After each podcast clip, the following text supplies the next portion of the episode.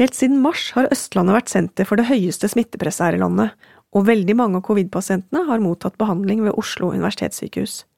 Derfor er det vel ingen overdrivelse om vi sier at intensivenhetene ved Ullevål må være de mest erfarne covid-avdelingene. Hvordan har de egentlig jobbet der siden februar, og hvordan skiller de seg egentlig fra vanlig intensivbehandling? Dagens gjest kan svare på akkurat dette, og mye mer. Jeg heter Helen Brandstorp. Og jeg heter Espen Rostrup Nakstad. Dette er Helseaktuelt snakkes med Nakstad.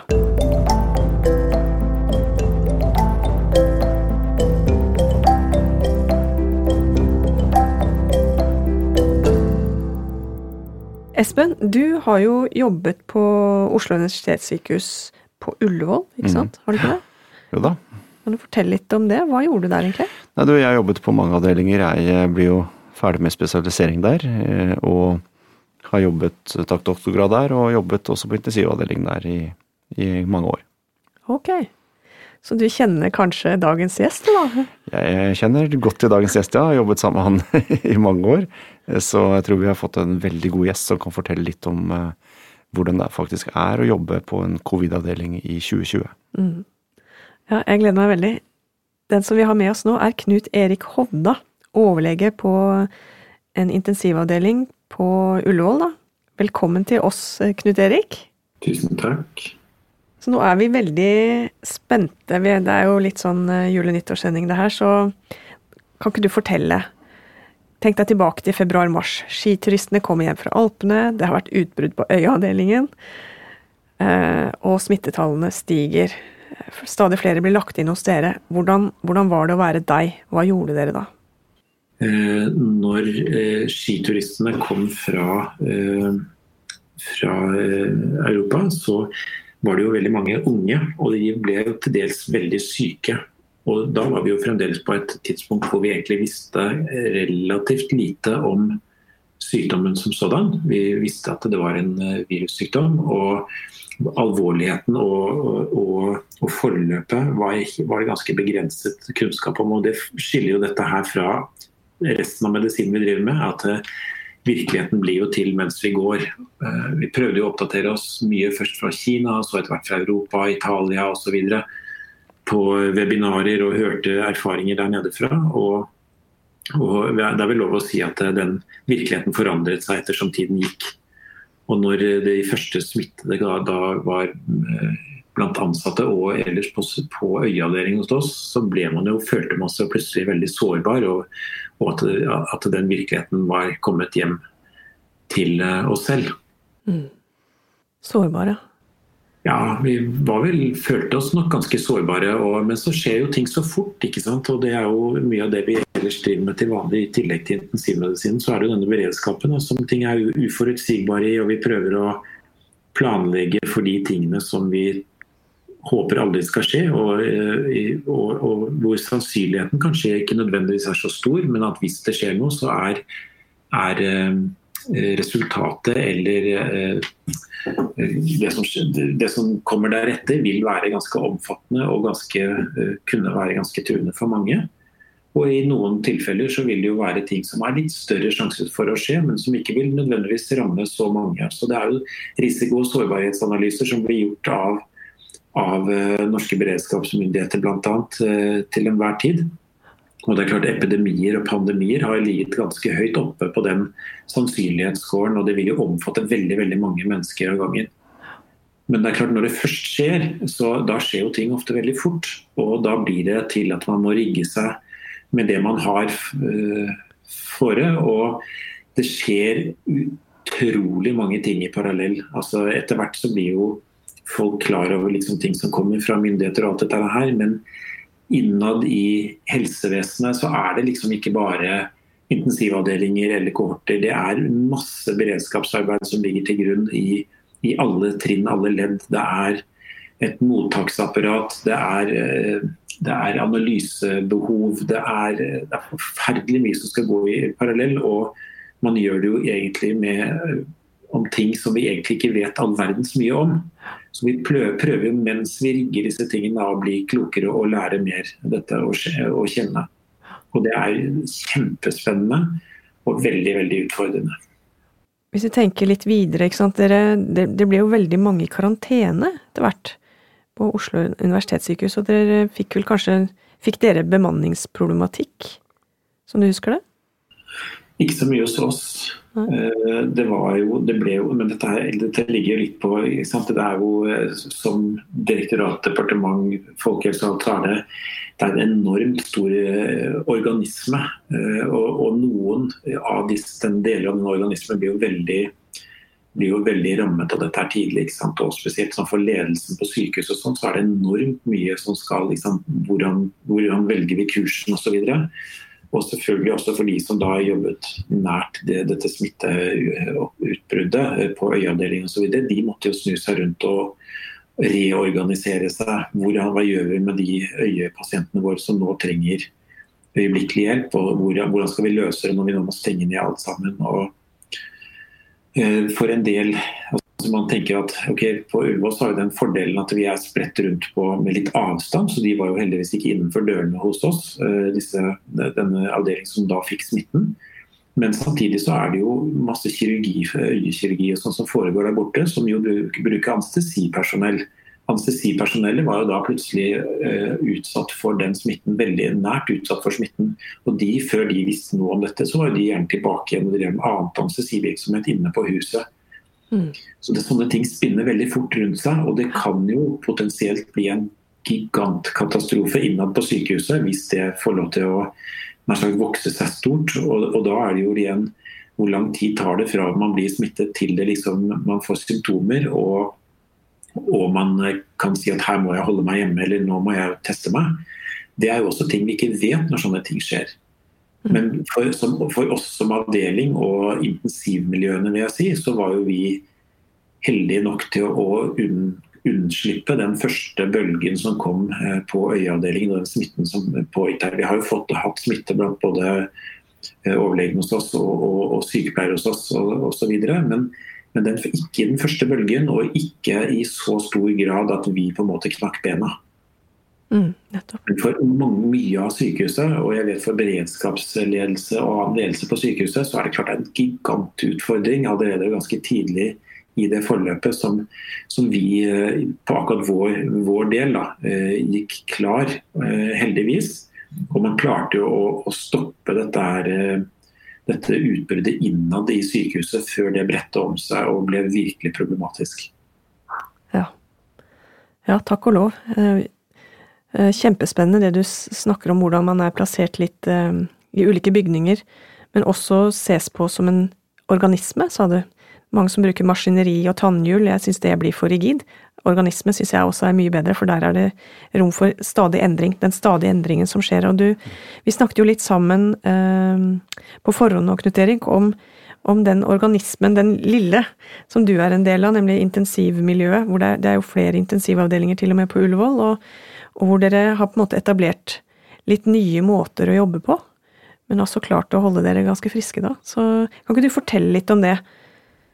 Jo, jeg kan gjøre det. Det er jo, ikke sant, når dette skjedde, det skjer veldig veldig mange ting i parallell her. og Dette her kan jo, kan jo Espen sikkert skrevet lange bøker om, og ledelsen hos oss og, og beredskapsledelsen hos oss. Men, men, det skjer veldig veldig mange ting i parallell. og Det går alt fra det å ta imot liksom i første linje i akuttmottaket, ta imot pasienter som er covid-smittet, men kanskje enda mer det å kunne skille ut de som ikke er smittet. fordi det er jo ofte ikke lett å vite. De kommer inn med helt andre ting, og hvem er smittet. Så skal du lenger inn i den kjeden, så trenger du å ta imot vanlige pasienter til sengepost som er enten smittet eller har en uavklart smittesituasjon, og så skal du ha dem inn i intensivmiljøet. Og vi har ganske riktig mange, jeg tror vi har en, åtte intensivavdelinger tror jeg, på Ullevål, sånn alt i alt. Um, og vi måtte jo rigge oss på en måte som gjorde at vi kunne håndtere disse uh, pasientene som var smittet da først og fremst. For de uavklarte pasientene ble stort sett avklart i akuttmottaket før de kom lenger inn i systemet, stort sett. Eh, sånn at Enten gikk de da via en sengepost og eh, ble isolert på en kohort, sengekohort, eller så kom de inn til intensivavdelingen som avklart ikke smittet, eller som avklart smittet.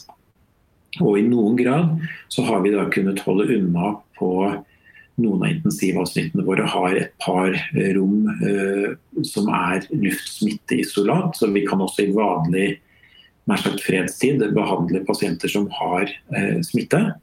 Men når det begynner å bli mer enn noen ganske få pasienter, så må man tenke nytt. Og det man gjorde da, var jo å danne nye avdelinger, eh, nye intensivkohorter. Og i vår så, vi, så, hadde vi i løpet av eh, en relativt kort tid etablert tre nye intensivavdelinger som ble skalert opp. Først én, så nummer to og så nummer tre.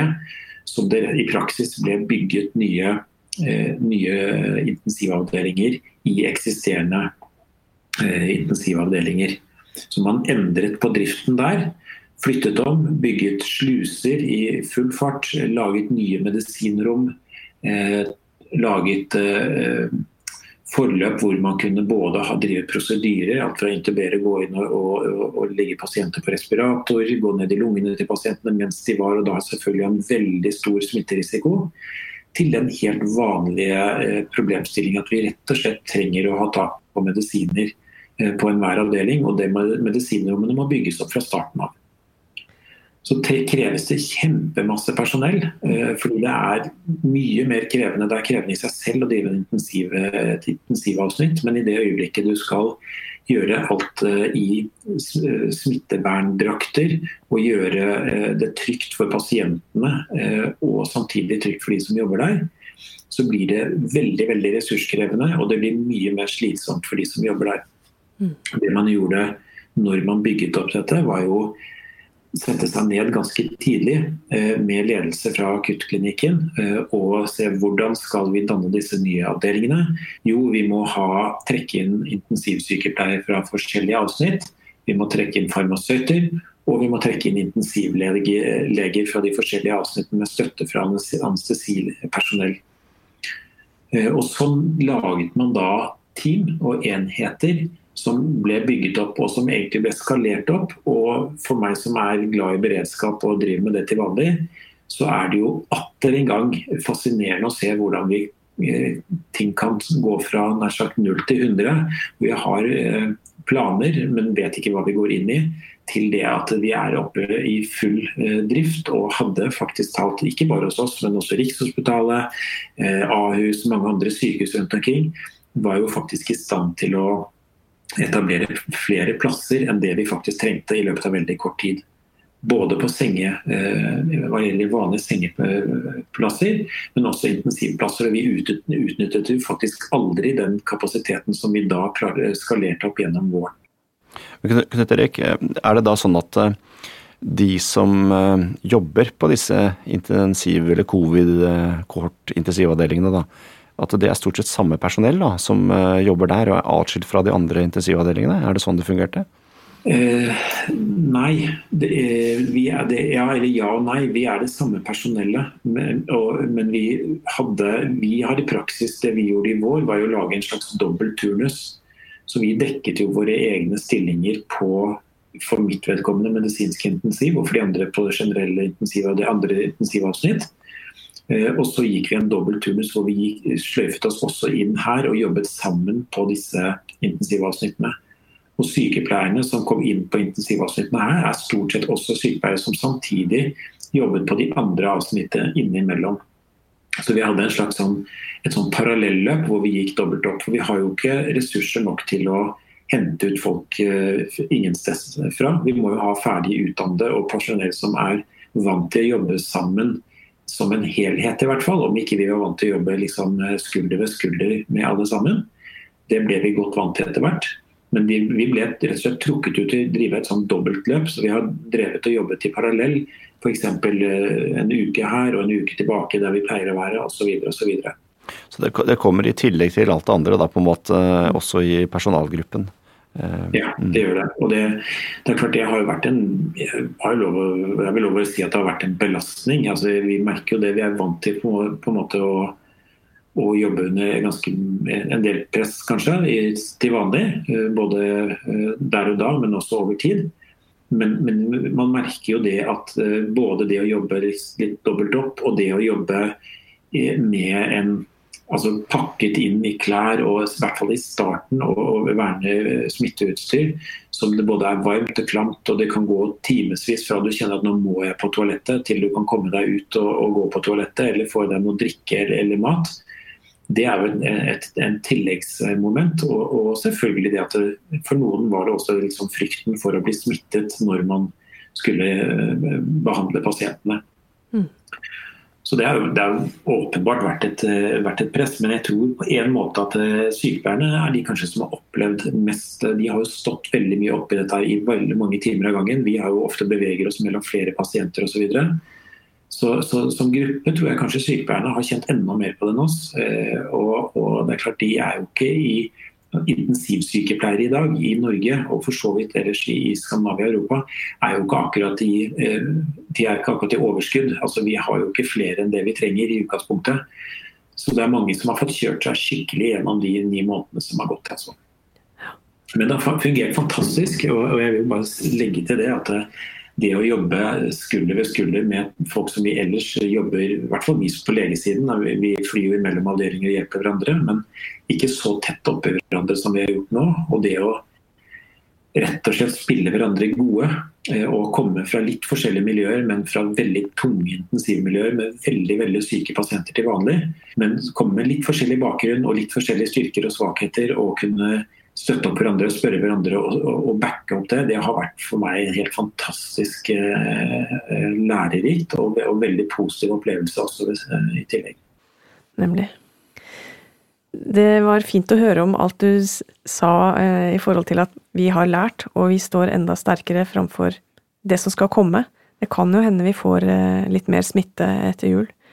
Krysser fingrene, håper at alle holder avstand og gjør det å begrense hvor mange man treffer, men allikevel. Um, Espen, har du noe du vil si før du egentlig må løpe videre? Nei, jeg tenker Det har vært interessant å høre Knut Eriks uh, fortelling av hva som skjer inne uh, i intensivmiljøene når du har koronaviruspasienter. Uh, det, ja. Og dette med å hente erfaringer fra andre land, som jeg tror har vært viktig som han sier i klinikken, men også viktig for oss som nå sitter i direktoratet og jobber med dette. Altså, det å lære andre land for, eh, som har eh, blitt truffet av dette kanskje tidligere enn oss, og på en annen måte enn oss, det er utrolig viktig. Og, og jeg tror nok at man i, i, alle sykehus i hele verden vil si at man vet mye mer enn nå enn man visste i mars. Man er flinkere til å behandle nå enn i mars. Eh, man er flinkere til å prioritere ressurser enn i mars.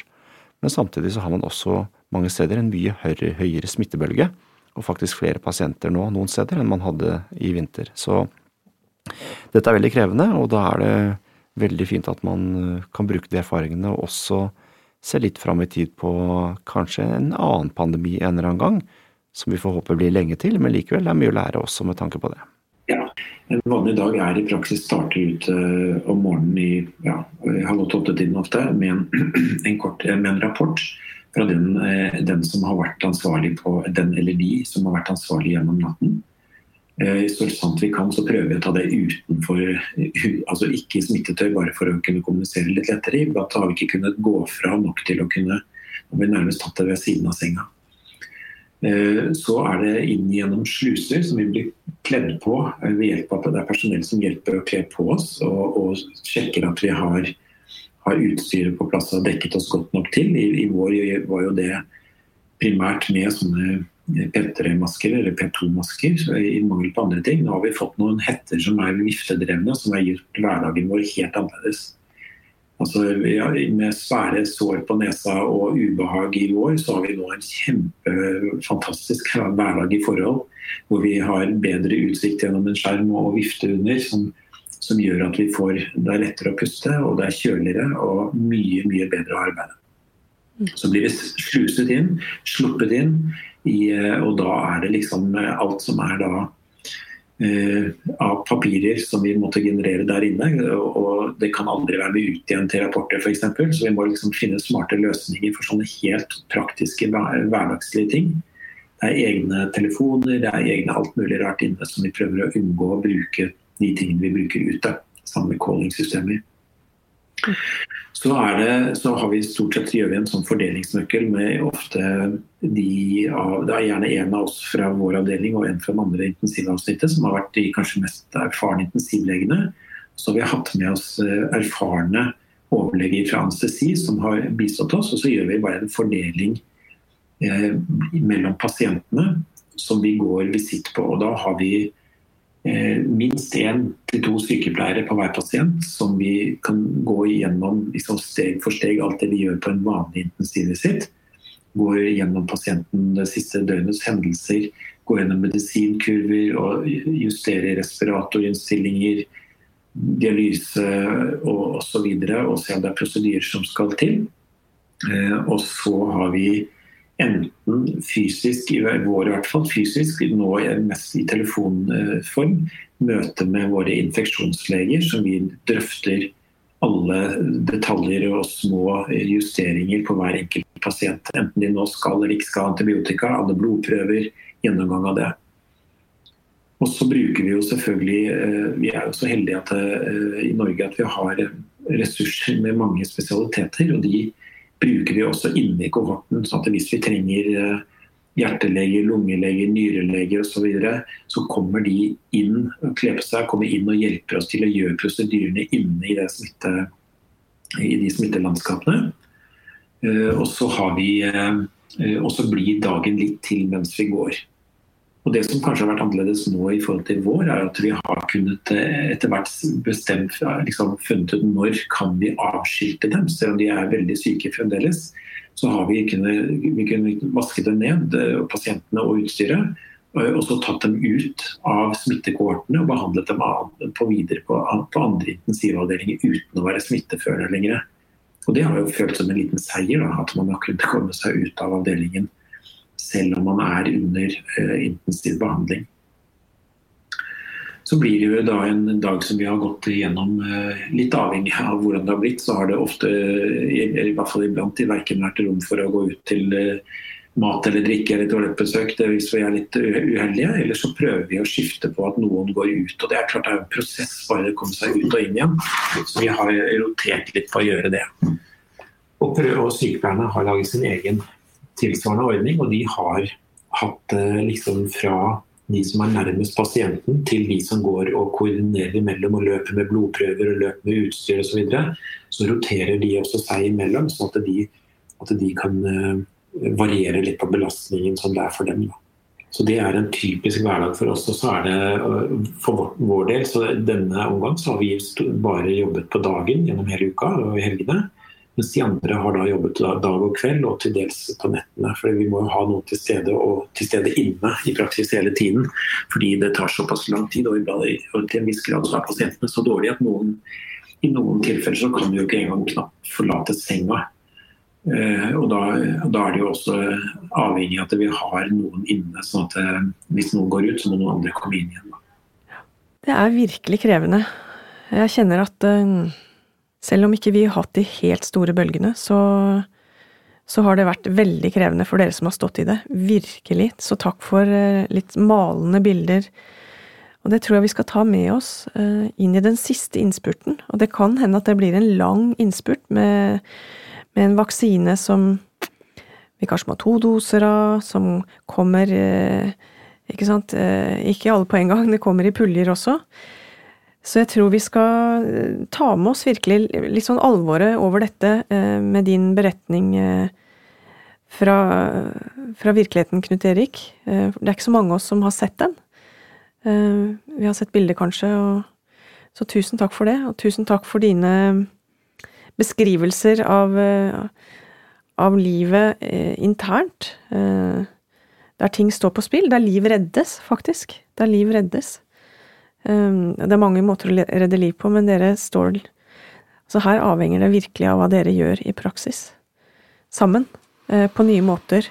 Under stress. Så tusen takk for det. Og jeg har nemlig en Espen her som skal videre. Eh, så jeg har litt lyst til å eh, med å avslutte med at skal vi ikke ønske hverandre god jul, og liksom virkelig gi hverandre håp om et bedre nytt år? Det må vi gjøre, og så må vi takke alle de som jobber med pasienter med koronapasienten. Eh, enten de tester dem ute i kommune, eller behandler dem på sykehus eller på sykehjem. Mm. For den store jobben de har gjort, den store innsatsen de har gjort. Og så har vi hørt litt eh, detaljer i dag om hvordan det faktisk er. Mm. Eh, og det er verdt å ta litt med seg og sette pris på alle de som står i det og jobber hardt med dette hver eneste dag. Mm. Og det er mange. Det er mange. Veldig mange. Veldig mange. Hvis jeg, jeg, kan rette en takk, så har jeg lyst til å rette en takk også til alle de der ute som har vært eh, vil jeg si, norske folk vært fantastisk flinke til å ta dette på alvor. Eh, noe av det som har gjort at ikke vi har knekt beina, bokstavelig talt, eh, er jo at vi ikke smittepresset ikke har vært større. Og det har ikke vært mer Altså vi har ikke, vi har ikke blitt overbelastet. Mm. For det vil ikke bare gå utover enkeltindividene. fordi når vi liksom hele tiden får en beskjed eller får kommentarer om dere er så flinke og fantastiske. Nei, vi har vært heldige nok til å ha ressurser til å til individualisere. Mm. Og det er ikke bare de det går utover, det ville gått utover alle andre i helsevesenet òg hvis vi hadde knekt beina. Og det er et stort takk til norske folk altså, som har gjort det, som har fulgt opp. Og, og hvis vi henger i strikken litt til, og ikke slipper opp helt ennå, for det er ikke helt over ennå, mm. så tror jeg dette skal bli bra i 2021. Altså. Vi satser på det. Vi satser på det. Vi er i dette sammen, alle sammen. Tusen takk. Da Selv takk. Ja. Da runder vi av. Eh, Espen, vi snakkes på nyåret. Vi snakkes på nyåret. 2020 er nesten over, og mange knytter jo musikk til spesielle hendelser eller perioder av livet. Derfor har vi opprettet en Spotify-profil og laget en spilleliste som heter 2020 Lyden av en pandemi. Der har vi bedt de ansatte i Helsedirektoratet om å fortelle oss hvilken musikk de knytter til nettopp 2020. Og nå vil vi også at dere som lytter, skal fortelle oss hvis det er noe musikk dere knytter til dette året, ja, som ikke allerede er på spillelista. Da kan dere sende oss en mail på helseaktuelt at helsedir.no, så skal vi få lagt til låtene deres også på spillelisten. Og på den e-posten, helseaktuelt at helsedir.no, kan dere også sende oss spørsmål, ris, ros eller tips til gjester eller tema dere gjerne vil vi skal ta opp i 2021. Tusen takk for at dere har vært med oss i 2020. Vi snakkes til neste år.